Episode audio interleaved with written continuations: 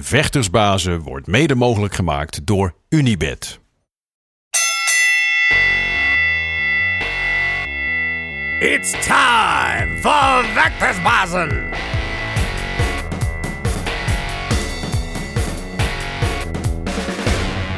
De vechtersbazen zijn terug in je leven, terug op je beeldscherm of op je oren. Hoe je deze podcast ook tot je neemt. Of het nou via YouTube is, Spotify, Apple Podcasts. zijn overal te vinden met de beste verhalen van jouw favoriete vechters. Of het nou zijn de legendes van vroeger, de toppers van vandaag of de talenten van morgen.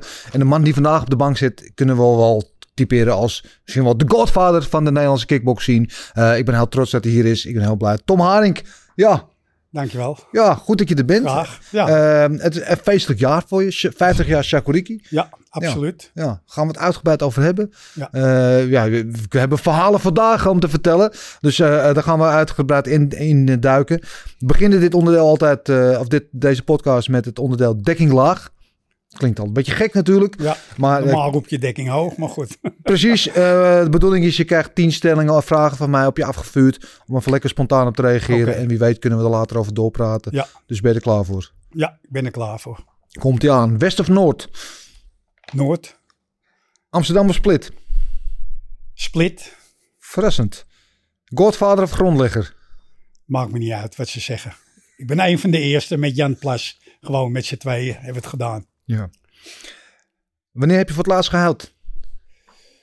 Ehm, nou, dat was ongeveer een jaartje geleden. Mijn dochter lag in het ziekenhuis met een ernstige aandoening aan haar eh, darmpjes. Ja, En toen heb ik wel even gehaald. Ja, ja heftig. Ja. Wel goed gekomen ja allemaal? gelukkig wel. Gelukkig. Eh oldschool of innovatie? Nou, zowel oldschool als innovatie. Je hebt het allebei nodig, vind ik. Anders sta je stil.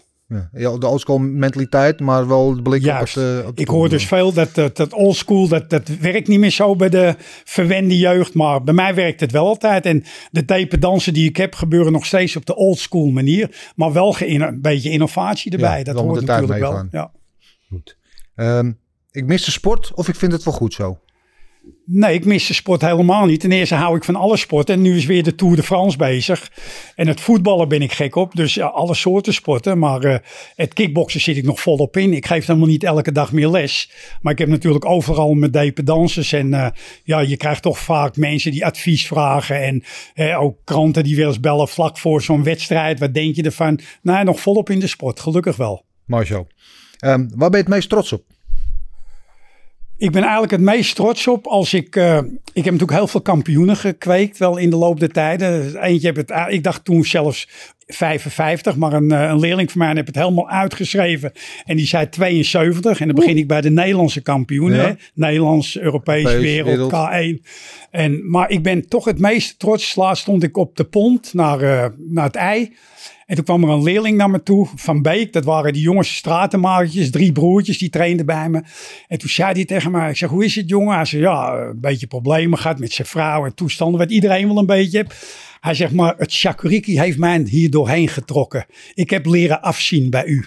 En eigenlijk dat geeft me tien keer meer voldoening. Dat, en dat heb ik al eens meerdere keren gehoord van leerlingen. Dat ze door de trainingen weerbaarder werden. Ook wel eens een jongen die fout kwam in de gevangenis. Maar dat hij zegt door het shakuriki heb ik me toch weer kunnen opwerpen door een normaal leven. En dat geeft mij de meeste voldoening. Levenspositief beïnvloeden. Juist, juist.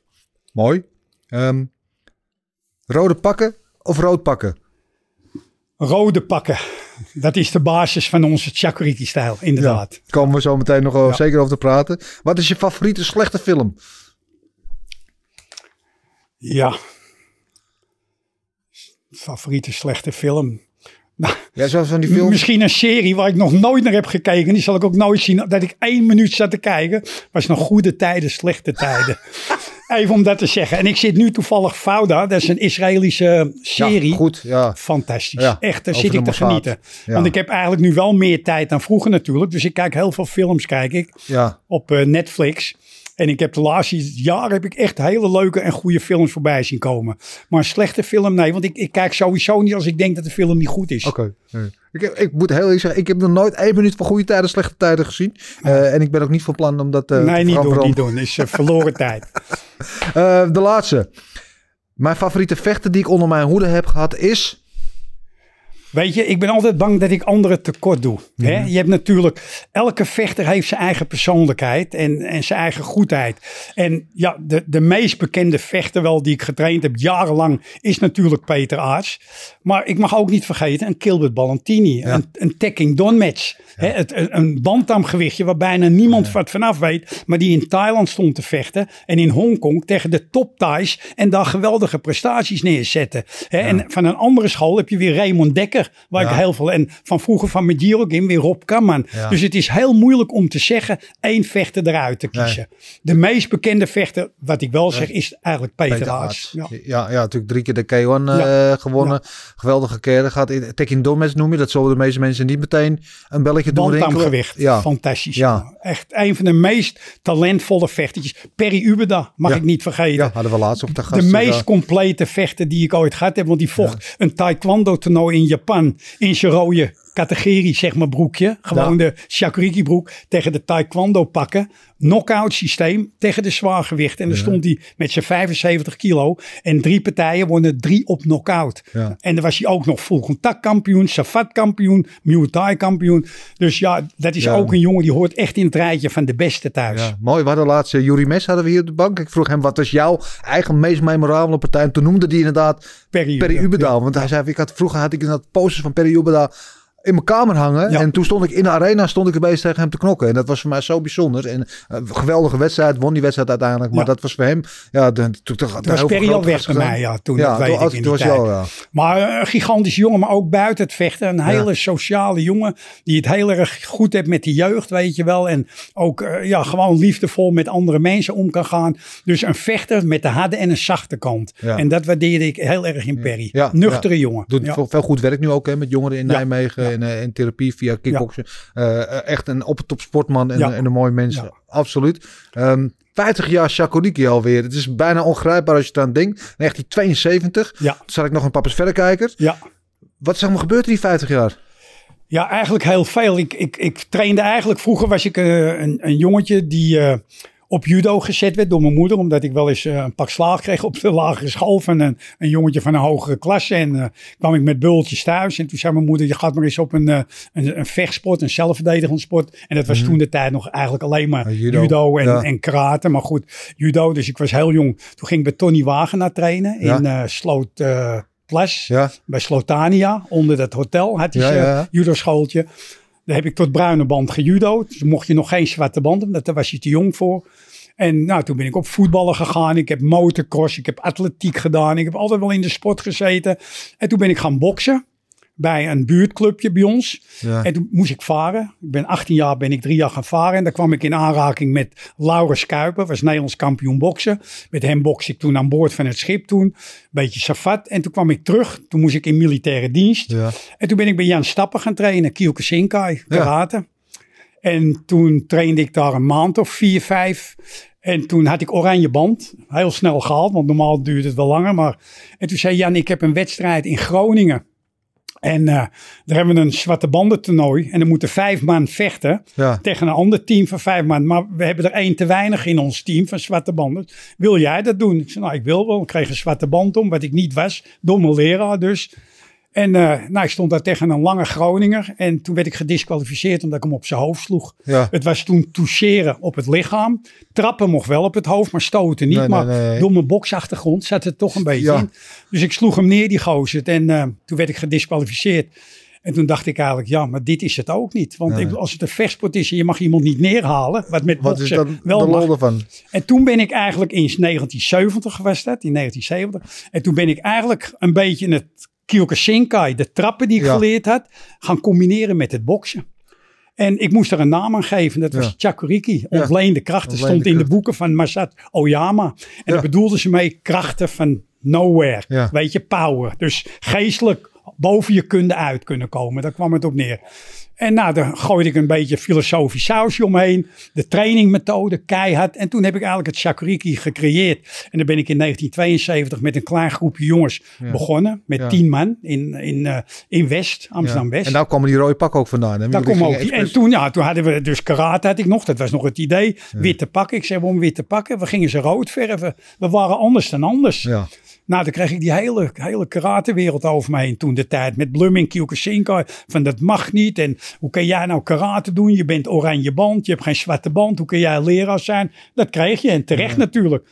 Maar ik zeg, ik geef geen karate. Ik geef een eigen stijl. Ik, geef, Ja. ik bedoel, ik heb gebokst. Ik heb uh, gejudo. vertellen. Want ik deed ik, judo ook, weet Ja. je wel. Dat zat er ook bij ons in. En toen heb ik zeg maar, nou, dit is mijn stijl. En toen is er nog iemand gekomen naar mijn sportschool. Ik vergeet het nooit. Was ik ongeveer drie maanden open. En toen werkte ik als eh Le Pont d'Avion. Was een discotheek Mhm. bij de Vondelbrug. En dan werkte ik als kelner. Als barman. Later werd ik portier, maar in het begin als kelner. En toen was ik, ochtends stond ik, was zaterdag was het natuurlijk laat en eh, zondag laat. En toen maandagochtend, half slaperig, sta ik mijn sportschooltje te zuigen. Want dat was een klein ruimtetje had ik ge- gecreëerd. En toen komt er een lange gozer binnen. Ik zal zijn naam niet noemen, want dat, dat vind ik, eh, heb ik gezegd. Helaas is de man al dood. En die zei, eh, ik kom uit naam van de heer Blumming Ja. jouw school sluiten. Ik zeg, wat zeg jij? Mijn school sluiten? Maar ik stond te stofzuigen. Ja. Maar ik voelde al waar het naartoe ging. Hè? Het was Ja, een vechten. ja. Dus, dus ik doe net of ik mijn, mijn stofzuiger uitdoe. En ik buk. En ik geef mijn kegel van Kieter van in mijn school. Die gaat als een blok neer. Ik zeg, naar mijn school uit. Ik moest wel, want anders, anders was het over geweest met geweest. En eh, een paar maanden daarna is nog iemand uh, telefoon. Ja, we willen met je praten. Dit en dat. Ik hoef niet te Ik praat met niemand. Ik zeg, ik heb mijn eigen stijl. Ik ga gewoon door. Nou, dat waren de roerige jaren in het begin dus. En toen hebben wij rode pakken gedaan om anders op te vallen dan anders.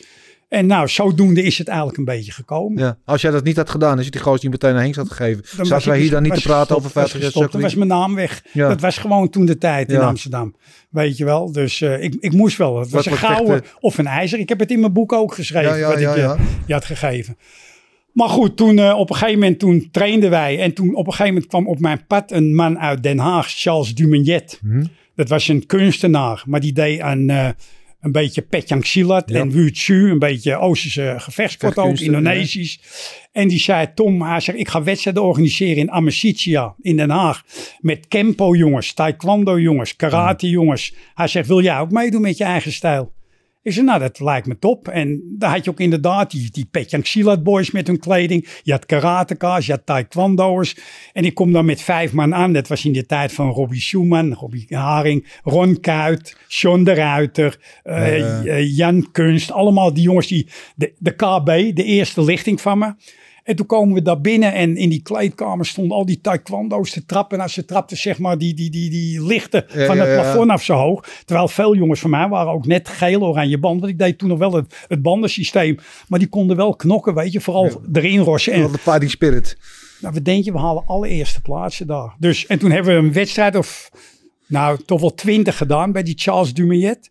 En nou, over het algemeen 80% werd er gewonnen door ons. Dus daar ging onze naam zich vestigen op een gegeven moment. En toen werd ik uitgenodigd in Berlijn bij Bill Wallace. Ja. Is een van de eerste full contact karateka's. En die deed met, eh, met eh, hoe heet hij nou ook weer? Nou, ik ben even zijn naam kwijt. Een groot galen in de Berliner Halle. Ja. Met allem, allemaal Amerikanen. En dat was ook een soort kickboksen. En toen had je die eerste 70 kicks. Ja, die ja, ja, schoentjes ja, ja, ja, moest je toen aan. En nou, daar ging ik met vijf man naartoe. En van de eh, vijf gewichtklassen wonnen wij de drie eerste plaatsen. Nou, dat was natuurlijk fantastisch. En ik weet nog goed, wij zaten in Sazen. Hè, we mediteren altijd een beetje, toch het geestelijke hè, indruk met maken, alles. En toen stond er achter me een man en die zei, we hadden op onze rug Shakuriki. En toen zegt hij, Shakuriki, what kind of Chinese food is that? Weet je, een beetje lachwerk. Maar ik, ik liet dat gaan.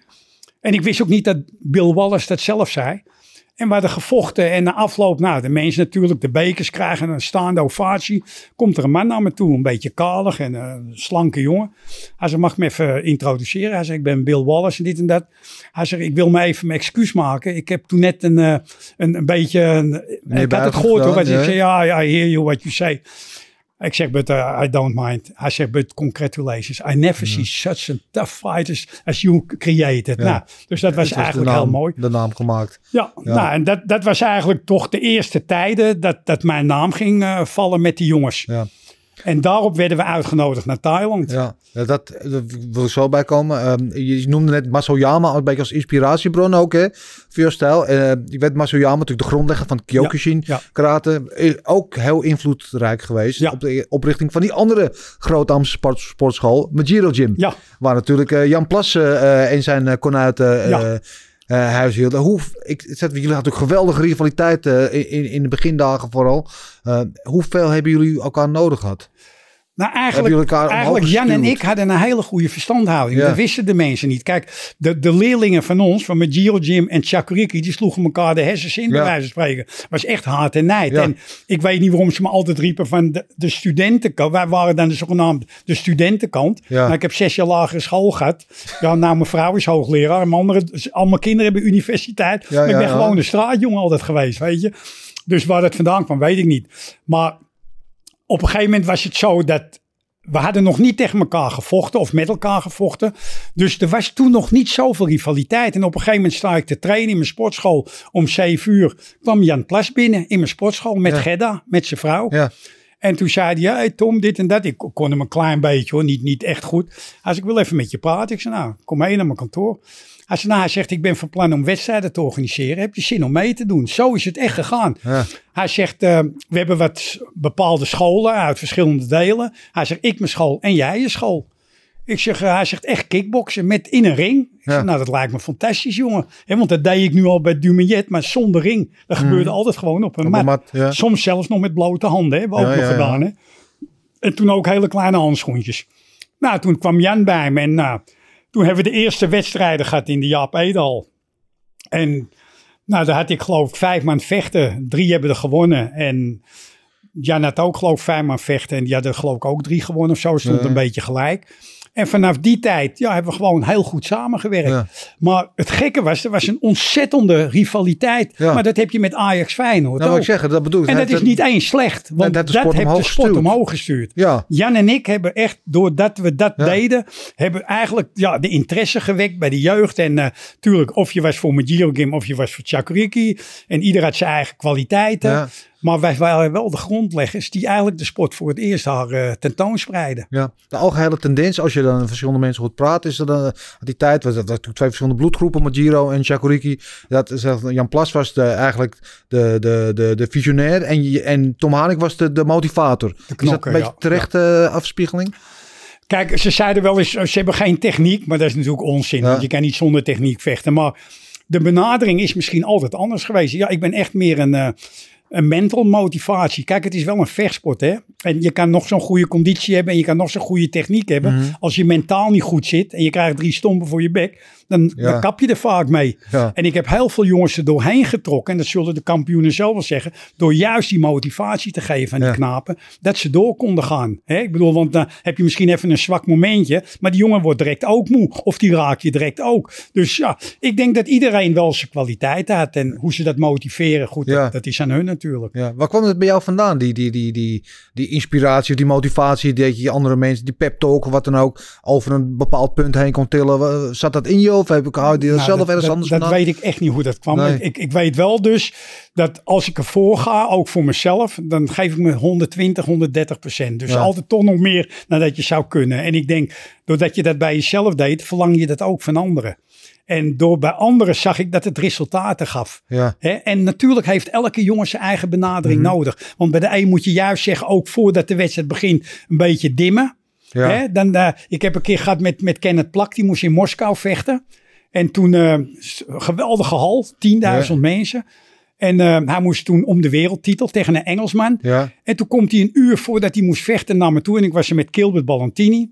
En toen zegt hij, sensei, kan u mij een beetje oppeppen? Want hij was zo'n hele lieve, rustige man. Ik zeg, ja, ik zeg, Kenneth, dat komt wel, maar we hebben nog even de tijd. Hij zegt, ja, maar ik wil het nu. Ik zeg, nou is goed, dus ik ga met hem werken. Wat denk je? Op een gegeven moment slaat hij helemaal door.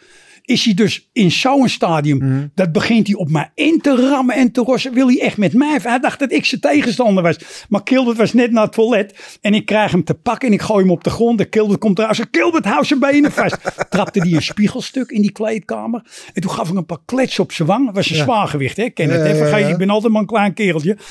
En toen gaf hij een paar kletsen en toen zegt hij... Oh, sensei. Sorry, sensei. Sorry. Had hij zijn hele voetstuk getrapt door die spiegel. Dat Niet. bloedde als een rund. Gauw verbonden met eh, rustig drinken, praten.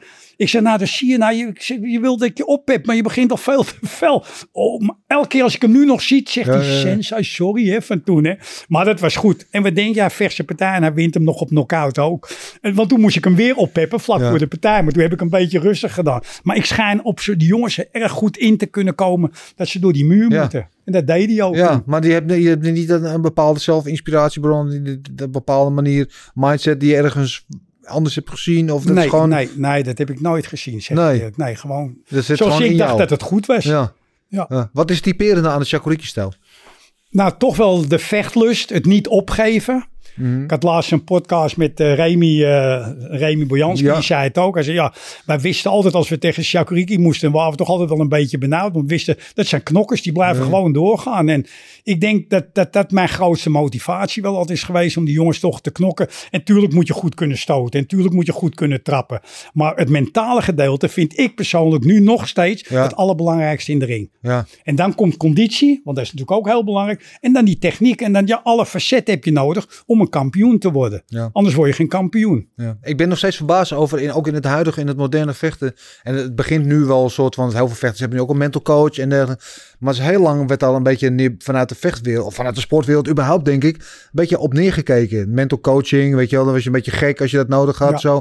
Terwijl ik denk, en dan weet jij natuurlijk als geen ander, dan, dan was je misschien zo nadruk mee bezig, Ja. dat vechten voor misschien wel 80% mentaal is. Juist. Maar zelfs ook nu bij pingpong, eh, tafeltennis. Sorry, een pingpong is weer onbeleid met Ja. Tafeltennis. Hebben ook een mental coach. Ja. Een hoogspringer. En, dus het schijnt heel belangrijk te zijn. Maar juist met vechten, Ja. wat eigenlijk dus alleen maar mentaal is. Ja. Dan krijg je twee stompen op je bek, eh, klap je dan in of zo. ermee om? Ja. Dan is juist een mental coach heel belangrijk. Maar ik, ik zag me niet als mental coach. Ik zag me gewoon als Shakuriki coach. Ja. Want ik zorgde ook dat ze goede conditie had. En de, de trainingen waren bij ons meedogenloos. Dat wist ook iedereen. Ja. Want ik had veel jongens van andere scholen dan. Die zeiden van jullie trainen is echt niet normaal. Weet je wel. nee. En dat wist ik ook niet. Want ik trainde naar mijn systeem. Ik wist dus niet wat op andere scholen gebeurde vaak. Nou was je, maar dan was jij, want jij was trainer, eh, mental coach, manager, Ja. promotor. Jij was eigenlijk zeven rollen tegelijk. Ik, ik, ik heb wel eens dat ik eh, zeg maar op een gala stond ik voor de rust te scheidsrechteren. Mhm. Omdat dan had ik geen jongensvechten. En dan moest ik na, dan moest ik gaan met die jongens werken. Ja. Omdat ze hadden niet anders. Maar je was Ja. en promotor en je was voorzitter van een bond. Kijk, dat kan nu niet meer. Nee. En dat is ook niet goed. Nee. Maar kijk, in het land van de blinden is één oog koning. Ja. Ik bedoel, de bakken van de hoek wist niet de wedstrijden. Weet je dat de kickboxwedstrijden, de reglementen, ik gemaakt heb allemaal? Oh, ik heb dat gele boekje toen. Ja, en hoe deed ik dat? Ik pakte het boksreglement en het karate-reglement. En daar heb ik gewoon een mix van gemaakt. En dat waren de eerste kickboxregels. Dus je deed zoveel dingen in die periode. Maar je bouwde wel de sport Het is op. ook de sport in ontwikkeling. Maar vind, je- vind je het een goede ontwikkeling? Dat, want vechters hebben nu de aparte mental coach. Ze hebben iemand eh, voor de voeding. Ze hebben iemand voor de, voor, de, voor de fysieke begeleiding. En dan hebben ze de, de technische coach, weet je, Ja, wel, de kickboxcoach. nou, weet je, dat, dat had ik wel eens nu. De laatste tijd. Vaak is het ook dat jongens wel eens bij andere mensen gaan trainen. Ja. Dat had ik ook op een gegeven moment. In het begin was het nooit. Hè? Nee. Dat is ook in Thailand niet en in Japan niet. Je hebt één leraar, je hebt één school, de één groep. Daar train je mee. Maar dan gingen ze daar gingen ze krachttraining doen. Gingen ze daar conditietraining doen. Ging hij daar een mental training doen. Dan werd hij daar nog gemasseerd. Op een gegeven moment heb jij geen vat meer op je jongen. Want Nee. ik wist niet wat hij op die krachttraining Nee. bij die andere man deed. Terwijl ik er misschien helemaal niet achter stond dat hij veel te zwaar Nee. ging trainen. Dus ik vond toen de tijd wel het beste dat ik als coach het helemaal in handen had. Ja. Dat ik echt met zo'n jongen werkte. En dat gaf ook resultaat. Ja. Ik bedoel, dat is bewezen. Ja. Maar vandaag de dag hè, dan, eh, trainen ze bij Pietje, maar ze gaan bij Jan nog trainen en bij. Klaas. En ja, ik, ik ben daar niet zo voor. Nee, maar ook niet als, kijk, als hoofdcoach moet je altijd gewoon de, de, de, de eindbeslis, de eindbaas zijn, als het wel.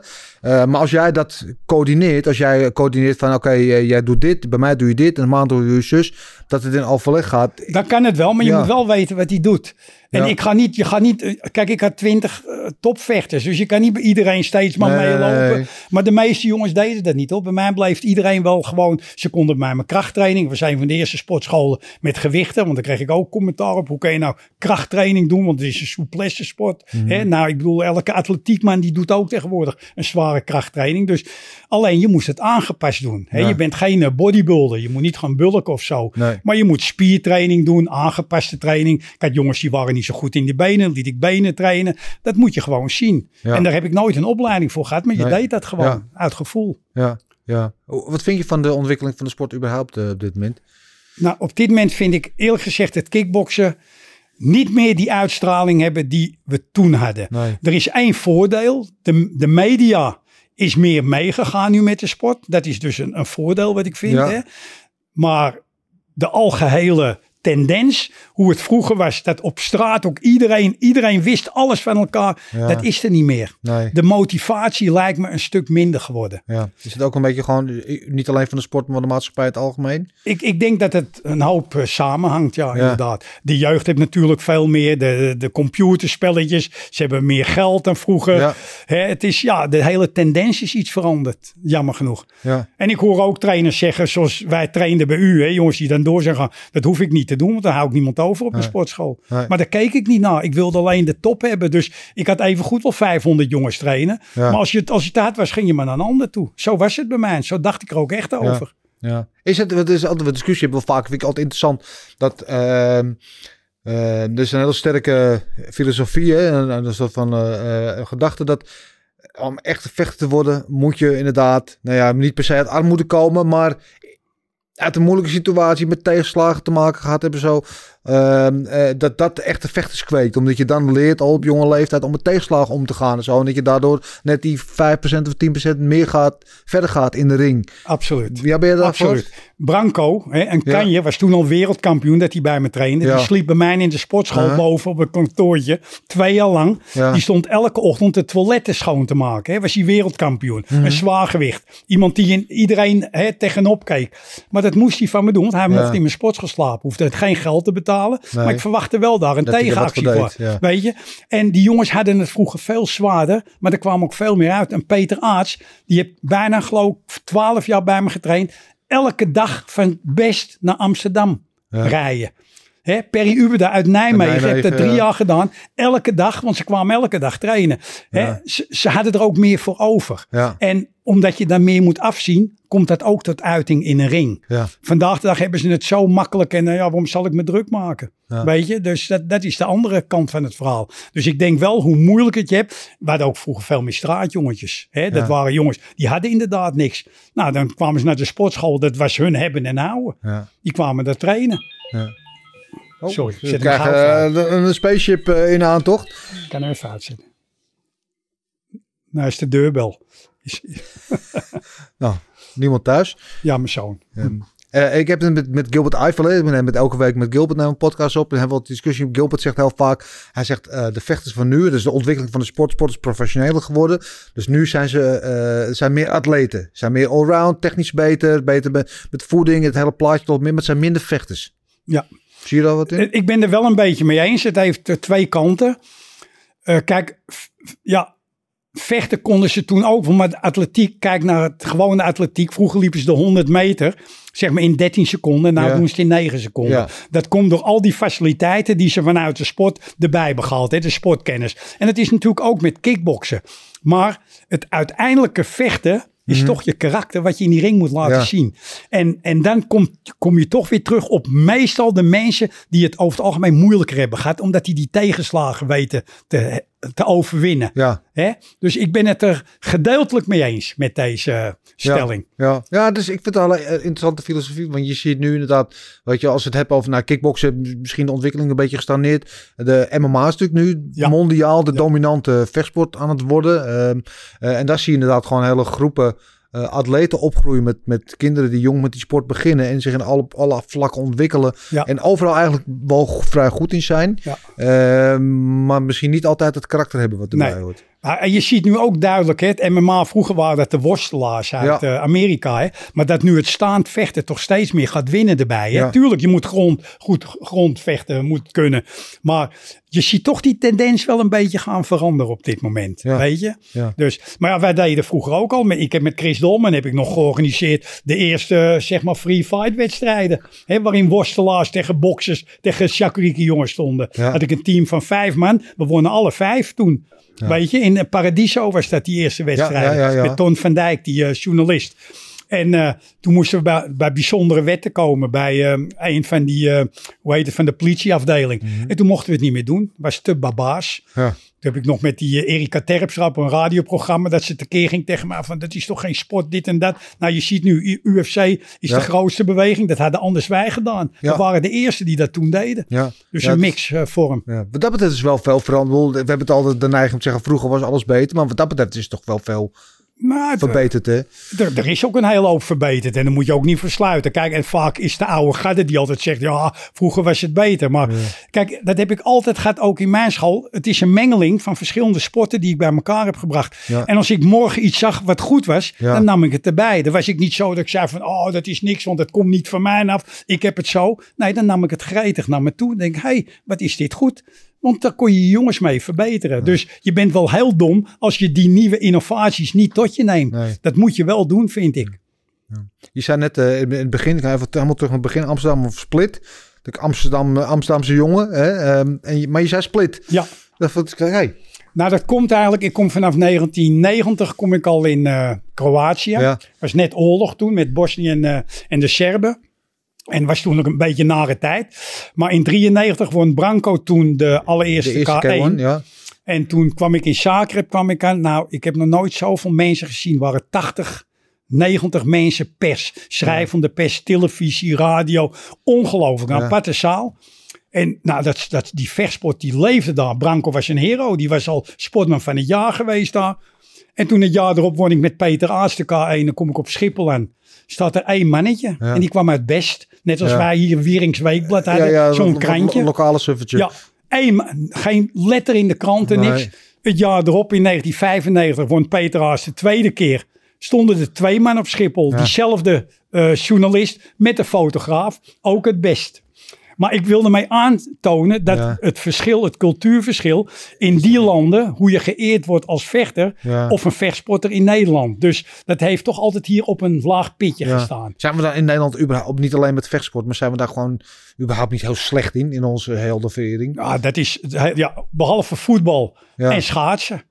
Dat is voetbal en schaatsen, dat, ja, dat, Ja. Dat, dat heeft de prioriteit in Nederland. Dat is al geheel bekend natuurlijk. Ja. Maar een vechtsport, ja, oké, eh, wat wordt er gewaardeerd? Het is laatst dat het dan redelijk goed is. En ook met Rico Verhoeven, Mhm. hè, de ideale schoonzoon. Maar dat was dan de bad boy. Maar goed, die heeft natuurlijk ook heel veel voor de sport betekend. Zeker. Maar eigenlijk worden we zwaar onderkend. Ja, als er een voetballer direct pijn in zijn buik heeft, staat het in de Telegraaf op de Ja. voorplaat. Ja. Maar als een jongen in, in Thailand of in, in, in een ander land een eh, titel binnenhaalt, dan weet niemand het. Ja. En dat vind ik wel jammer. Ja. ja. En Nou, die erkenning heb je dus wel in dat soort landen. In Portugal sta ik in drie verschillende hallen als Hall of Fame. Brazilië, Hall of Fame. Niet dat ik nou zo nodig heb, maar in Nederland, ik bedoel, je Mhm. Nee. bent een Nederlander. Weet je, word je in die landen word je ge- geëerd daar. Ja. Nou, nou, is ook de reden, want dan, dan, dan vraag ik er ook naar, want je hebt natuurlijk het 50 jaar bestaan van Chakuriki, natuurlijk een ja, bijzondere monumentale eh, gebeurtenis. Eh, en er komt in september komt er een viering van, en die gebeurt niet in Amsterdam, maar nagel, maar in Split. In Split, ja. Ja, Nou, met name nu, ik ken eh, diverse oud-leerlingen en, en ook mijn partner Chris Dolmen en zo, die hebben hier sportscholen, worden allemaal gesloten. ja, Omdat ze andere doelstellingen hebben. Want vechtsport is het niet. Hè? En dat is natuurlijk dat er toch een bepaalde groepering daar niet zo op is. Is toch gewoon absurd. Want ze vergeten wel die sportscholen. Die halen wel de jongens van de straat. Hè? Je mag niet roken, niet drinken, niet vloeken. We hebben de discipline, Japanse discipline. De meeste scholen doen dat gewoon echt goed. We hebben heel veel goede leraren in Nederland. Ja. Weet je? En dat wordt gewoon opzij gezet. Terwijl in die andere landen word je veel meer geëerd en gewaardeerd. ja. En toen ik dat ook opperde om dat eh 50 jaar bestaan. Zijn meteen de burgemeester, kom langs bij me, gesprek hebben we gehad. We hebben sponsors hebben ze geregeld, een hotel wordt er geregeld. Die hebben daar een heel andere kijk op dan dat wij het in Nederland hebben. Dus Ja. ik denk, nou, dan ga ik lekker in Kroatië, wat toch mijn tweede vaderland is op Ja. dit moment. Dus dan doe ik het daar. Ja, ook een beetje, beetje pijnlijk toch ergens wel, niet? Het, het- eigenlijk is dat heel naar. Ik bedoel, wat heb je niet voor Nederland betekend? Maar eh, ik heb toen van de sportraad heb ik een eh, medailletje gehad dat ik ermee stopte. Omdat ik zoveel voor de jeugd heb gedaan. Ja, daar blijft het bij. Ja. En niet zozeer dat ik dan, maar, maar gewoon de, de sport in het algeheel wordt hier niet zo hoog Nee. aanzien gezien. De vechtsport als Nee, dat maar- het eigenlijk had moeten zijn. Doe maar gewoon, doe je gek genoeg, Ja, is al vaak ja, een beetje. ja. Is het ook niet een beetje, want we hadden het net over dat jullie met Chacorito en met Giro, die sturen elkaar door de ri- rivaliteit omhoog. En dat is natuurlijk eh, in Amsterdam en later in, in, in de rest van Nederland is natuurlijk altijd zo geweest. Hè? Dat er veel wedstrijden, veel competitie, veel, daardoor ging het niveau ook omhoog. ja, en, er is niks mis mee. Ik bedoel, gezonde Waren- rivaliteit, weet je. en daardoor waren we mondiaal, eh, hadden we aardig wat in de melk Daarom zijn we zo goed geworden. Ja. Heb je het idee dat nu dat een beetje verdwijnt, dat we daar ook een beetje de boot dreigen te missen? Maar we lopen vijf jaar achter weer. We hebben altijd dik Is al voorgelopen. zo, ja. Ach man, absoluut. Kijk naar Frankrijk. Ik, ik, ik heb nog heel veel omdat ik dus dependance heb, ook Mhm. in Duitsland. Verleden week is een jongen van mij van Chakuriki is kampioen geworden van ook een of andere bond. Maar die vecht ook in Thailand. Hebben al voor de Kings Cup gevochten. 18 jaar, dit jongetje. Zijn vader is Mark Wies, heeft een sportschool in München. Mhm. Ja. Een grote uh, Chakuriki school. Dat jongetje won daar van een Thai op knockout. Dat is een kanjetje. Dus er zijn landen die het verschrikkelijk goed doen op dit moment. En het waar het ook gewaardeerd wordt. Maar Nederland blijft op dit moment echt achter. Mede door die perikelen met die vechtsportautoriteit. Ja. Dat er problemen waren. Dat we vier jaar geen wedstrijden mochten houden. We hebben nu de afslag gemist. Ja. Zeg ik eerlijk. Kunnen we het schip nog keren? Denk het wel, ja. Maar dan moet echt iedereen meewerken. En dan moeten ten eerste in Nederland meer wedstrijden worden georganiseerd. Ja. Net als vroeger. Vroeger kon je elke week vechten. Ja. Er waren jongetjes uit het zuiden. Ik bedoel, de Nicky Hols, hoeveel wedstrijden die niet weg als klein jongetje Ja, al? Tegen de honderd partijen zeker. Net als Thailand. En ik denk als die tijd weer een beetje terugkomt, dat we weer naar de top gaan. Maar ik denk dat we een hele hoop hebben verloren. We hebben dan natuurlijk nog Rico Verhoeven. Maar er lopen zat jongens bij die dichtbij komen. Die wij niet eens kennen. Nee. Maar die ken ik wel in het buitenland. Ja. Ik heb in Brazilië zwaargewichten. Nou, die zijn fantastisch. Ja. Kijk, en ik had vroeger Pedro Rizzo. Die komt nu ook naar mijn UFC 50 ook jaar nog. bestaan. Ja, die komt. ook mooi, ja. Ja, fantastisch. En eh, nou, dat, dat waren toch allemaal toppers, weet je wel. Maar die hebben het bij ons geleerd. Ja, En die, die hebben nu, hij heeft een sportschool in Rio de Janeiro, vlak bij die favelas. Nou, is fantastisch, jongen, wat Ja. doet. En die heeft heel veel kampioenen gekweekt. En er zitten zwaargewichten bij. Nou, die kunnen echt met Rico knokken, hoor. Ja, dat, dat, dat, dat hoor je niet. nee, nee. Het is ook die matchmaker die dat natuurlijk moet weten. Ja, Kijk, er zijn jongens die lopen rond en als ze die niet kennen, ja, dan zet je die ook niet tegen iemand neer. En het was hier op een gegeven moment dat er toch te veel verteld werd. Die vriendjespolitiek, je moest bij Utrecht trainen of je moest bij Mike trainen, anders kwam je niet aan de bak. En dat is geen goede regeling. Nee. Dat kan niet. Dat, zo Nee. moet je niet ik heb werken. het idee dat dat wel een beetje aan het veranderen is. Maar Ja. eh, als je het hebt over ontwikkeling van de sport in Nederland. Hè, wil op, eh, volgens mij twee jaar geleden, zo weet ik wel, eh, ook een regel ingevoerd dat kinderen onder 18 hè, mogen niet meer naar het hoofd eh, sparren of in wedstrijden Ja. naar, het hoofd. Dus dat, dat hoor je heel veel kritiek op van ja, dat, daardoor missen we de boot. In het buitenland doen ze het wel. Vier, vier het een goede maatregel? Nou, het, het, het heeft ja en nee. Natuurlijk, als je in het belang van het kind krijgt, als jij zelf een, een zoontje of een, een dochtertje hebt die de vechtsport beoefent, dan wil je Ja. ook niet dat die hersentjes door elkaar geslagen Tuurlijk worden. Want goed is het niet. Daar moet er gewoon eerlijk op zijn. Alleen heb je natuurlijk wel dat, ja, ze missen toch een beetje hoe het in werkelijkheid gaat. En als jij dat altijd gewend bent met een bokskapje op en, en beschermers om Ja. en je komt direct in een echte ring, ja, dan wordt het wel eens moeilijk Ja. om je daaraan te passen. Een mooi voorbeeld was in Zweden. Mijn vrouw doet de motorsportfederatie. Ja. Je weet, die sport- en rechten hoogleraar. En eh, daar wilden ze op een gegeven moment de jeugd verbieden met wedstrijden. Er waren een groep mensen voor. Gelukkig is de hele organisatie daar tegen. Want die kinderen moeten ook kunnen vallen. Je moet Ja. ook leren vallen. Tuurlijk. Als jij maar altijd wordt beschermd, ja, dan, dan, dan, dan werkt het niet in topsport. En topsport is risico. Ja. Hè?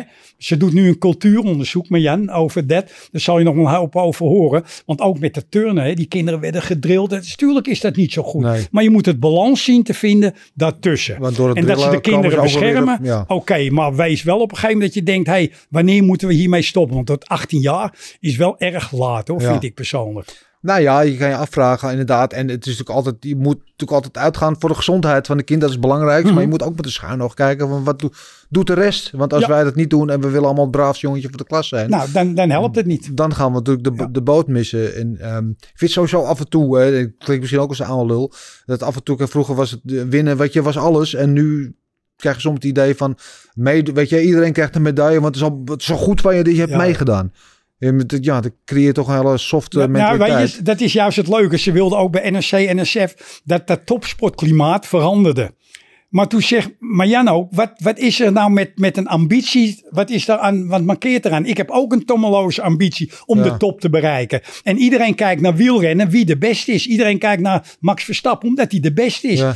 Dat is ook een motivatie voor de mensen, hè, als je heel goed bent. Ja, en daar moet je wel keihard voor kunnen trainen en Mhm. Ja. een hele hoop dingen voor moeten laten. Ja. Weet je? Ja, kijk, dit- iedereen, eh, zeker mensen die in de topsport zelf hebben gezeten, zullen beamen dat topsport niet gezond is uiteindelijk. Nee, nee, en zowel is- niet voor je lichaam als dat het geestelijk heel veel voor je vraagt. Maar ja, de Ze vrucht- willen het wel. De vruchten zijn heel zoet als je de top bereikt. Ja. En dat is natuurlijk waar iedereen het uiteindelijk wat doet. Ja. En eh, ik vind dat de mensen daar, ja, überhaupt dat... Ze draaien er een beetje in door op een gegeven moment. Kijk, met de turnen begrijp ik, dat waren jonge kinderen. Ja. Die moesten dingen doen van een brug afspringen. Ja. En dan waren ze een beetje bang en dan werden ze uitgescholden of ze mochten niet te veel eten. Kijk, dat is natuurlijk eh, overschrijdend gedrag. dan neigt het hè? naar kindermishandeling, Maar als jij direct eh, 14, 15, 16 jaar bent en je wil kickboksen en je wil op een klap op je kop willen ontvangen, moet je dat in principe zelf weten, vind ik. En, en natuurlijk ook in de ring. Je hebt een scheidsrechter die kan de wedstrijd stoppen. De, de trainer, hoe vaak ik wel niet een handdoek heb gegooid. Dat ik die, denk, mijn eh, jongen wordt te hard geslagen. Dus je, je moet dat wel allemaal inbouwen. Begrijp je? Is Maar- dat dan ook niet de, de, de oplossing in plaats van te veel regels opleggen? Gewoon zorgen dat we betere trainers en officials hebben? Nou, dat is, dat is de basis al. Dat heb ik altijd al gezegd. Ja. Begin daarmee. Ook een dokter moet niet schromen. Als een dokter aan de ring zit Ja. en hij denkt, hey, dit wordt te gek. Ik Ja. stop de wedstrijd. Moet dat kunnen. Weet je, dan heeft de dokter het gedaan. Ik heb ook wel eens een jongen van mij. Dat ik zeg, ah, Shen, waarom gooi je nou die handdoek? En ik Ja. kom makkelijk mee. Ik zeg, kijk je filmpjes terug, jongen. Wat je een, een, een knie op je bek krijgt. Ja. En later je, je ouders die gaan tegen mij tekeer. Van, eh, hè, dat je dat zomaar doet. Dan moet je natuurlijk een balans in zien te vinden. Live to fight another day. Ja, ja, ja, zo is het toch? Ja. Eh, ik wil even naar het volgende onderdeel. Dat is namelijk de tijdmachine. What we're gonna do right here is go back, way back, I'll be back. Tijdmachine onderdeel in, eh, in deze podcast. Eh, Tom, dan de, de, kan, de gast die, jij in dit geval de kans krijgt om in de tijdmachine te stappen. Terug de tijd in te gaan. eh, en naar een moment wat je graag nog een keer wil meemaken. Kan een moment zijn dat het zo geweldig was. Dat ik die euforie en het fantastische gevoel wil ik nog een keer meemaken. Kan ook een moment zijn dat je ja, niet helemaal handig gedaan. En misschien kan ik dat de tweede keer beter doen. Dus ik zou zeggen, stap in. Ja, nou de- waar gaan we naartoe? Het leuke is die tijdmachine. Ik heb natuurlijk 50 jaar. Daar heb je zoveel geweldige dingen in Ja. meegemaakt. Maar ook zoveel nare dingen in Ja. meegemaakt. Ik ben natuurlijk diverse leerlingen ben ik kwijtgeraakt. Door een ongeluk of door zelfmoord of, of wat dan ook. Ja, dat is in het leven. Maar ik zou niet teruggaan. Ik kijk nooit Nee. terug. Dat is juist het gekke. Ik kijk altijd vooruit ik, ben, ik leef nu in de dag, nu. En dan wil ik vooruit gaan. En dan wil ik dingen doen en dingen waarmaken en dingen meemaken.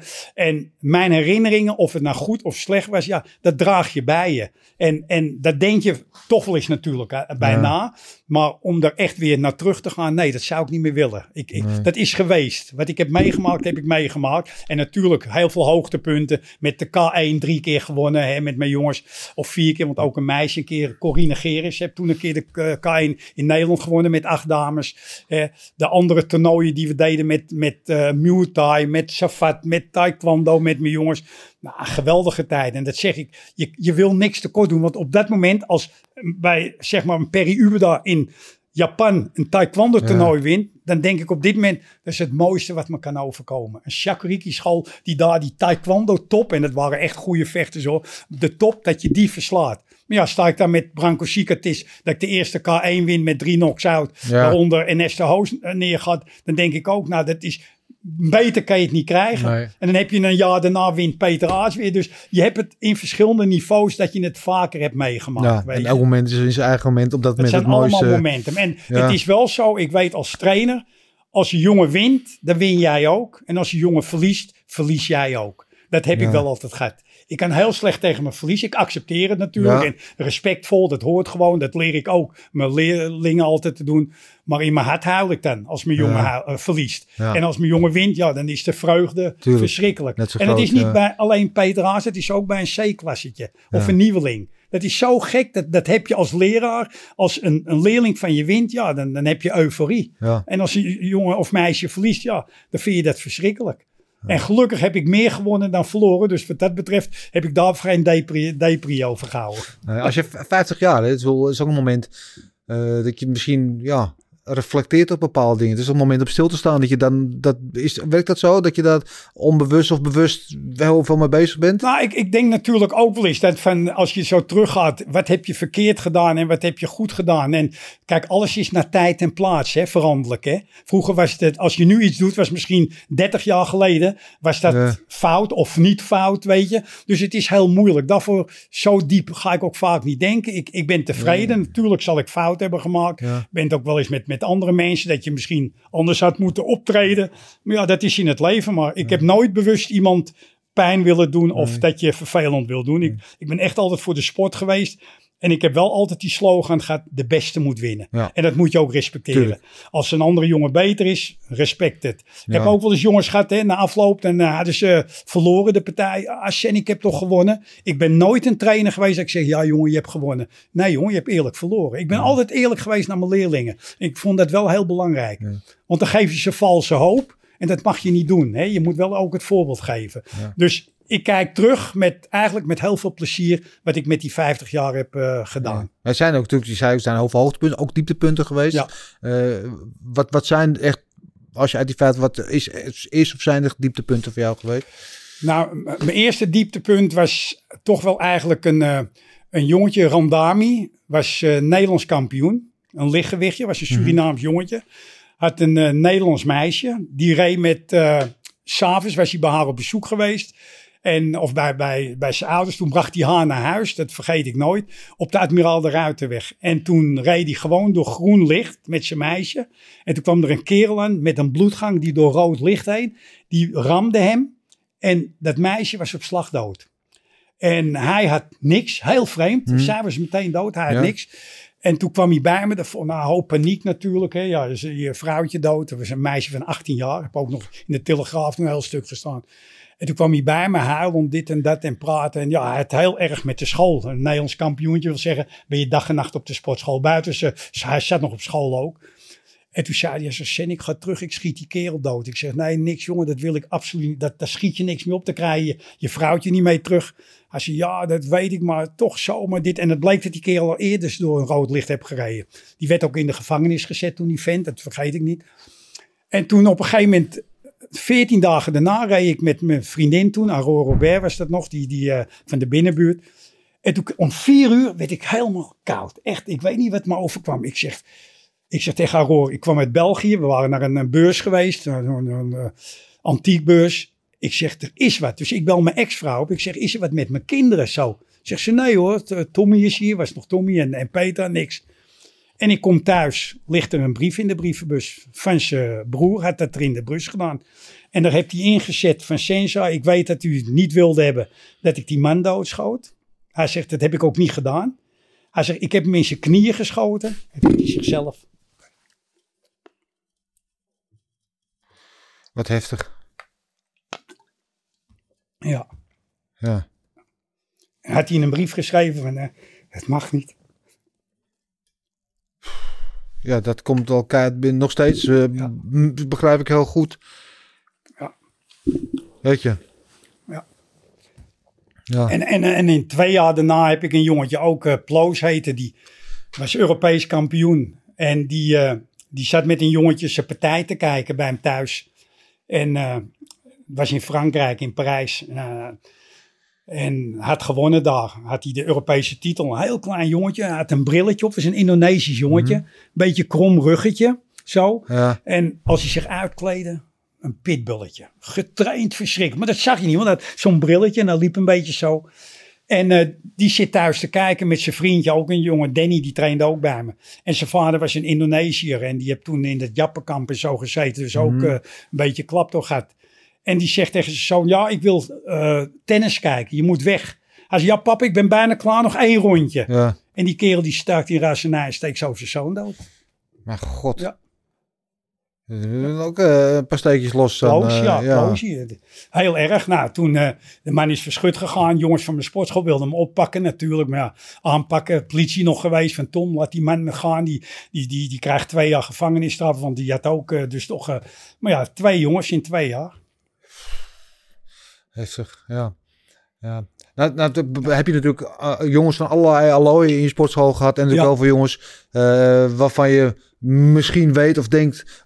hadden ze niet onder mijn hoede gekomen... of was het misschien helemaal verkeerd Ja, met ze, ja. met ze Kijk, ik heb, ik heb natuurlijk heel veel jongetjes gehad die ook eh, door bureau Halt naar me toe werden gestuurd. Dat ze moesten trainen om die discipline te krijgen. En ja, ik heb toch heel veel jongetjes toch wel een bepaalde richting op kunnen sturen. Dat ze toch een gewone baan eh, konden vinden. En dat vond ik ook altijd geweldig, weet je wel. Maar ja, dat, dit zijn excessen. Ja, wat, wat- bij wie gebeurt dat? En dat heb ik dus twee keer meegemaakt. Ja. En Ja, ja. Dat, is, Dat en dat zijn heel erg, ja. tragische vallen die het meest bijblijven. eh, en tegelijkertijd op de tijdlijn van 50 jaar met heel veel succesverhalen. Ja, ja, Zijn het dan ook maar twee stipjes? Ja, ja, Ja. ja. twee zwarte stippen. Ja. Heel erg wel, weet je wel. Maar ja, goed. En, en natuurlijk ook, zoals eh, een paar weken geleden eh, ben ik één dag voordat hij doodgaat naar Lloyd van Dam. Ja, Dat Lloyd me opbelt van eh Senna, zegt, ik zijn ook- zoon belde me. Hij zegt, Lloyd wil u spreken en dit en dat. Ik zeg, oh, wat is er dan? Maar het is sportschool Lloyd in. Utrecht. En ik ging vaak naar hem toe wel eens even kijken. Want ja, een te gekke leerling was dat altijd van me. Die benen breken. Lloyd, was, eh, vent, ja. en toen hoorde ik dat hij had iets vocht achter zijn hart en dat hij niet lang te leven had. En toen zeg ik, nou, ik zeg, ik wil bij hem op bezoek gaan. En toen ben Ja. ik bij hem op bezoek gegaan Ja. en een dag daarna was hij dood. Ja. Ja. Ik heb eigenlijk als oude leraar heb ik heel veel jonge leerlingen weg moeten brengen. En dat is wel jammer. Andro van Dot, Surinaamse jongen hè, die doodgaat. En Kenneth Ramkissoen, die met mij naar eh, Thailand ging, ook eh, weg moeten brengen. eerste lichting. Ik bedoel, eh, Dennis de Preter ben ik nog geweest. Naar zijn, dus je hebt ook Ja. in je, in je 50-jarige loopbaan ook toch wel een hoop narigheid gehad van mensen die op een gegeven moment ja, helaas overleden op een of andere manier. En ja. dat zijn altijd nare dingen. Hè? Dat, ja, dat is het leven. Ja. Eh, vergeet me als ik erover begin, maar natuurlijk iemand die aan de meest, het allermeest nabij staat, die ik een paar jaar over geleden overleden, natuurlijk je zoon eh, Tommy, Zoontje die zelf, een grote ja, rol ja. speelde in de sportschool ja, altijd. die, die was mijn assistent en eh, een van de beste trapkussenjongens die, die er was. En eh, overal met me naartoe ging. Maar ja, helaas aan de drugs gekomen. En dat was sterker dan hem. En Tommy was een hele leuke jongen. Iedereen mocht hem, had een humor. Hij was echt een donderstraal, maar een humor. Hij kon met Peter Aars geweldig overweg. En als ik wel eens niet mee kon, dan nam ik, ging hij mee als, als trainer. Nou, die werd ook op een gegeven moment s'avonds dat, eh dat mijn vrouw, mijn ex-vrouw belde van, heb jij Tommy gezien? Ik zei, nee, nou, lag hij dood in zijn stoel. Dus, eh, Ja. Ja, nou ben ik, ik ben er heilig van overtuigd dat iedereen zijn eigen pad kiest en verantwoordelijk is voor zijn Ja. eigen daden in het leven. Ehm, maar ik kan me voorstellen, als jij, je hebt zoveel mensen geholpen ook en Ja. op het rechte pad te houden, zo, neem je jezelf iets kwalijk? Ben, heb je nee, jezelf nee, nee, nee. gelukkig? Nee, want het, het- kijk, dit, dit ook met dat, met dat ongeluk, ja, daar heb ik dus in principe niks Nee. mee te maken. En ja, het enige dat ik zeg van ga die man niet doodschieten. Ik had helemaal moeten zeggen, je had nooit naar hem toe moeten gaan. Maar dat wist ik natuurlijk niet. Ja, wie, wie denkt het nou dat hij dat ook in die brief schrijft? Hè? Dat hij schrijft van, nou Sen, ik weet dat u er tegen bent. Hij zegt, ik mocht hem niet doodschieten, heb ik ook niet gedaan. Heb Nee. hem in zijn knieën geschoten Ja. allebei en toen zichzelf. Ja, dat is natuurlijk verschrikkelijk, weet je. En dan- Ja. Kijk, zo'n jongetje was dag en nacht in de school. Ja. Hè, dat, is, dat zijn natuurlijk dingen, ja, dat, dat vind je heel erg. Want je hebt ook een band met zo'n jongen. Je bent eigenlijk een tweede vader voor hem. En dan heb je hem begraven met alle jongens, netjes in klederdracht. Dan staan er zo'n 200 jongens bij het graf. Ja, dat, dat zijn hele indrukwekkende beelden, zijn dat voor jezelf ook. Ja. Laten we, Maar ik heb me dat nooit zelf toe. Want nee, want ik heb Nee. nooit iemand opgeroepen tot geweld of agressie. Ja, in de ring. Op een sportieve manier. Maar dat is natuurlijk heel anders dan buiten de ring. Nou, maar ik, ik, ik ben helemaal, dat vind ik helemaal gelijk. Maar ik, eh, ik, ik vind wel, eh, geen ouders als een als eigen kind moeten begraven. ja, En ik, ja. ik kan me voorstellen dat je... Dat hoort niet. Hè? Je, je hoort niet je kind Nee. te begraven. Je kind hoort de ouders te begraven. Dat, zo zit het in elkaar. Maar ja, eh, aan de andere kant, met, met Tommy had ik er een klein beetje vrede mee. Omdat hij zo ver weg was. Ja, En als je je zoon ziet onder invloed, dat is erg hoor. ja, Dat is erg. Dus dan komt hij in de school en dan die ogen en dan, dan kan hij niet normaal, zijn- bewegingsritme is anders. Terwijl hij wilde toch naar die school komen. En Mhm. dan stuurde ik hem wel eens weg. Ik zeg, jongen, ga naar huis, ga douchen, ga slapen. En hè, ja, dat zijn hele nare dingen. En Ja. ik zeg, ik heb zoveel, ja, toch wel harde jongens moeten trainen en op een rechte pad moeten brengen. En je eigen zoon krijgen voor redden. elkaar. En dat Ja. is eh, wel jammer. Hard gelach.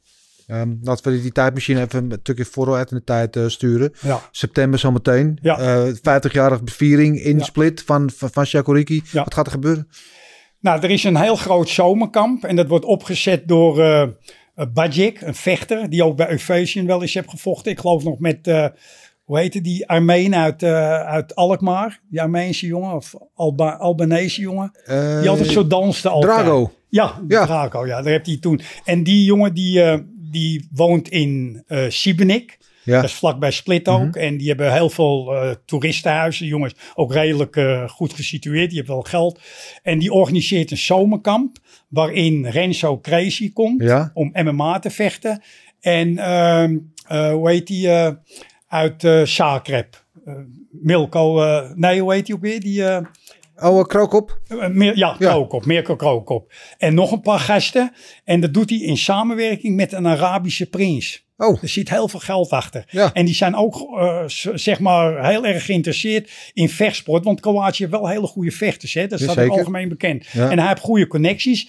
En toen hoorde hij van het 50 jaar bestaan dat ik dat in, eigenlijk in Split wilde doen. En toen zei hij, Tom, wil je dat bij ons doen? Want dan is toch al iedereen daar. En dan ben jij als eregast, loop je daar doorheen. Nou, ik weet wel dat heel veel jongens willen komen. Jeroen Lebanne komt, Hestie Kerkers. Menno, Patrick, Ja, eh, allemaal eh, oud-leerlingen Perry van Uwe, allemaal oud-leerlingen Ja. die willen komen. En het leuke is, hij geeft zijn hotel beschikbaar voor die jongens. Die kunnen daar zo voor niks terecht. Is geweldig, hè? Mooi. En dat doet hij als gesten naar mij toe. En nou ja, er komen, en Pedro Richo komt uit eh, Brazilië, komt er. En al mijn dependansjongens. Dus alle leraren van Chakriki scholen, die komen ook daar naartoe. Ja. En dat is een week lang. En wij doen de eerste drie dagen, doen wij zeg maar ons eh, ja, festiviteitje. En daarna zijn al die seminars nog een keer. En dan lopen wij er gewoon als een rode draad doorheen. En Mooi. het is voor hem is dat goed, omdat er natuurlijk ook weer bekende jongens van mij daar allemaal komen. En omgekeerd, er komen weer allemaal jongens over heel de wereld die daar die seminars gaan doen. Dus het is eigenlijk een hele mooie verwelkoming dat we dat daar kunnen gaan doen. Mooi. De Dus- pers is aanwezig Ja. en eh, alle faciliteiten. Ze krijgen excursies. Nou, het hotel ligt aan de zee. En je weet, Adriatische kust en Split. Prachtig, Fantastisch. Dus eh, ja. Zin in? ja, te gek. Heel erg, ja. Mooi. Ehm, ik wil naar het volgende onderdeel. Dat is eh, de Mount Fightmore. Mount Fightmore, eh, je kent natuurlijk Mount Rushmore, waar de Amerikaanse presidenten aan de rots zijn gehouden. Mount Fightmore, ooit zo bedacht door uh, Marloes, en mijn vorige co-host eh, en ikzelf. Als eigenlijk ja, de, degene die ons het meest geïnspireerd hebben als vechtsportliefhebber. Onze liefde voor de vechtsport ontwikkeld hebben, hoe je wil. Eh, natuurlijk voor de mensen die het niet weten, van links naar rechts. Ramon Dekker, Bas Rutte, John Bloeming ik zo nog even over hebben. En Bruce Lee. Maar de vraag aan jou, Tom. Eigenlijk wie, als jij één iemand zou moeten kiezen. Dat ho- hoeft niet een van deze vier te zijn. Die voor jou eh, als grootste inspiratiebron is geweest in het vechtsport. En dat is een beetje raar. Want je bent zelf een van de grondleggers. Maar ja. eh, als er iemand is die wat jou betreft aan die maand Fightboy moet. Nou, ik had natuurlijk heel veel respect voor, voor andere trainers die het ook goed deden. En met name Jan Plas, Ja. die helaas eh, te vroeg is overleden. En wat ze altijd zeiden, mijn grootste concurrent en mijn grootste vijand. Ja. Maar eigenlijk zonder deze concurrent en deze zogenaamde vijand... Ja. had het kickboksen nooit zo'n hoog niveau gehad Nee. in Nederland. Dus eigenlijk wil ik hiermee de postuum het aan Jan Plas geven. Vind ik mooi. Ah, Als we geen Jan Plas hadden gehad, hadden we dan nu over 50 jaar Shakuriki gehad? Jawel, dan- dat wel. Want Ja. ik had wel doorgegaan. Ja. Want de eerste jaren, vooral internationaal, waren wij veel meer aan de bak eigenlijk dan toen de tijd met. Ja. Gyojin was echt landelijk en Japan. Hè, Ja. dan met name niet eens Oyama, Kurosaki. Ja. Kurosaki was een rechterhand van Tuurlijk, Oyama. ja. En dat was degene die het kickboksen eigenlijk in die dojo deed. Maar ik had toch wel mijn eigen plan getrokken. Maar ja, ik, ik ben blij gewoon. Die periode, die zou ik voor geen goud willen missen. Het was een harde tijd. Het was ook een tijd waarin veel geluld werd, wat wel en niet waar was. Maar ik denk dat Jan en ik echt allebei toch wel de mensen zijn geweest die het kickboksen op de kaart hebben gezet. Zeker. Absoluut. En dan wil ik Jan niet één seconde achter me stellen of voor me stellen. We waren het allebei. Ja, hebben we elkaar nodig gehad. ja, Ja. absoluut. Ja. En mooi, want je, je had het net over John Bloeming. Ja. En John Bloeming heb ik uit toegevoegd, omdat hij, in mijn ogen zat hij eigenlijk aan, aan de basis van, van alle vechtsportstromen in Nederland. Omdat hij natuurlijk het Kyokushin heeft geïntroduceerd. Maar mensen als Chris Dolman en je, Absoluut, die ja. zijn allemaal bij hem begonnen. Ehm, maar onbedoeld heeft hij misschien ook wel aan de basis gestaan van Shakuriki. Nou, het leuke is, ik ben door John Blooming toen zesde dan Kyokushinkai Ja. gemaakt. Hè, uit ere uit dus het is later hè. wel goed gekomen Dus nog. ja, we, we hebben eigenlijk daarna nooit... ge- Ik ben toen eens een keer met Chris Dolman geweest naar een verjaardag van hem. En toen vond hij het zo leuk dat hij me zag. En het was een hele aardige man. Ja. En Jan Stappen was eigenlijk een, een, een afstammeling van John Van John Blooming. hè. Blooming, ja. Want die was ook Kyokushinkai. Dat was eigenlijk net als Kurosaki Oyama. Ja, ja, was Jan ja. Stappen met, eh, met John Blooming. En nou ja, John is geweldig geweest voor de Kyokushinkai. Hij was ook een kanjer ook natuurlijk op zijn vechtsportgebied. Maar we hebben elkaar later, pas in de late stadium, dat we elkaar elkaar treften. En mijn respect kreeg ik schijnbaar van hem in de latere leeftijd. Ja, Ja. terwijl hij eerst nog een mannetje naar jou toestuurde Naar je de toestuurde sportschool om mij neer sluiten. te slaan. Ja. Ja. Zie je hoe het kan veranderen. ja. Maar dat is ook het mooie. Ja. Hè, want dat laat ook weer de vechtsport zien. Dat je hoeft niet altijd boos te zijn op elkaar. Je moet ook respect hebben voor elkaar. En, en ik weet, er zijn heel veel Majiro games die. Ah, wij zijn de eerste. En Shakurigi, wij zijn de eerste. We waren gewoon met z'n tweeën de eerste. En dat was eigenlijk onbewust. Dat wisten we niet. En Jan is toen bij me gekomen in de Ja. school. En dat gaf de samenwerking dat we ook de NKBB hebben opgericht. Ja. Ik zat ook in het bestuur. Ja. Weet je? Dus het heeft heel veel goeds gebracht ook, deze twee scholen. En laat de leerlingen nou maar praten. Maar dat is hetzelfde als met, met die voetbalfans. Hè, de hooligans die tegen elkaar knokken. Terwijl het Ja. bestuur van Ajax en Feyenoord gewoon met elkaar zitten te eh, praten. eh, weet te je. dineren Maar ja, zitten dat is het samen. leven. Zo moet je het zien. ja, ja, ja, mooi, mooi, mooi verhaal. Ja. Ja. Dus zo hebben we volgens mij nog eh, wel eh, 50 jaar aan eh, materiaal om over te praten. man, ik kan nog zeker nog een hele hoop vertellen. Misschien moeten we er gewoon nog een keertje doen. Eh, ik heb eigenlijk tot slot één vraag nog eigenlijk. Eh Alistair of Butter? Ja.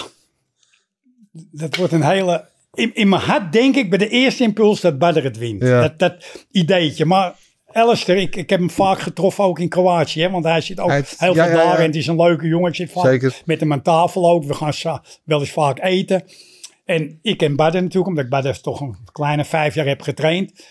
Maar ik, ik denk toch... Kijk, hij wordt ook ouder, Alistair natuurlijk. Hij heeft hem toen een keer 42 gepakt, inmiddels. weet je, met Cor Hemmers. Maar mij maakt het niet uit, zeg ik Nee. eerlijk, wie er wint. Ik hoop dat de beste mag winnen. Maar als ik denk, en het eerste impuls wat in me opkomt, dan denk ik dat Badder wint. Ja. Dat, eh, dat idee heb Is het ook een beetje je kickbox had? En ik weet, toen ze de eerste keer tegen elkaar gevochten, werd het een beetje kickboksen tegen MMA. Hè? Want Alistair was die buitenstaande, die kwam van het Ja. MMA, kwam hij in onze kickboxwereld. En zou Badr daar wel even, dat liep toen anders, en later heeft hij dat goed gemaakt. Ja. Nu eigenlijk weer een beetje hetzelfde. Alistair tien jaar weg geweest Ja, het maar MMA. dat, dat, dat zeg ik juist. Kijk, had hij gewoon gekickboxd, had hij misschien toen ook niet gewonnen. Maar het MMA is toch een iets ander Anders, spelletje. ja. En hoe die erin dook Ja. toen, die, met die knie en zo, dat deed hij heel slim. Ja. Ja, de tweede keer lukte het niet meer. Toen, toen was Toen Badder was hij de overhand. Ik weet het nog goed. Dus het is wel leuk dat deze partij komt naar Ja. de derde keer. Wie de winnaar denkt. Maar ik denk een licht voordeel voor Badder, Ja. denk ik. Maar het kan anders verkeren. Maar Ja. ik hoop gewoon dat de beste en dat het sportief gebeurt. Ik hoop ook niet dat de blessures weer komen. Dat er weer een wedstrijd gestaakt moet worden.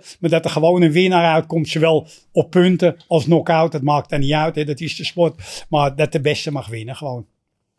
Amen. Eh. Tom, dankjewel. Ik heb weer, weer genoten van de mooie Ja. verhalen en de inzichten. Eh, ik wens jou vast voor september vast heel veel plezier. Fijn. Dankjewel. Met het jongen. 50 jaar Jacqueline. Op naar de volgende 50 zou ik willen zeggen. Zeker weten. Je bent nog een jonge dertiger om te zien. Dus ik dat, kan nog eh, eh, heel wat jaartjes mee. dat moet allemaal goed komen. Ehm, ja, bedankt. En eh, laten we het nog een graag keer voorzetten. Ik vond het hartstikke leuk. Dank je. Voor jullie allemaal die gekeken en geluisterd hebben, bedankt ook allemaal voor jullie aandacht. Eh, je weet het, eh, vergeet niet te liken, te delen, te abonneren. We zijn te vinden YouTube, Spotify, Apple Podcasts, overal waar je maar wil. Eh, en dan heb ik nog één ding te zeggen, dat is oes! Hoi.